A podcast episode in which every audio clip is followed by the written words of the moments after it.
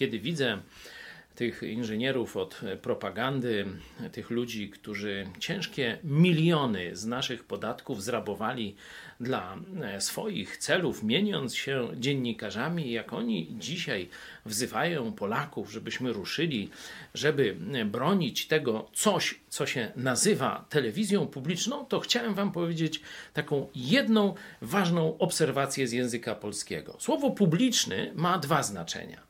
E, publiczny, czyli dla wspólnego dobrego dobra. Mówimy szkoła publiczna, ale publiczny niestety też oznacza powszechny, ale ku złu. I to się nazywa burdel, czyli dom publiczny.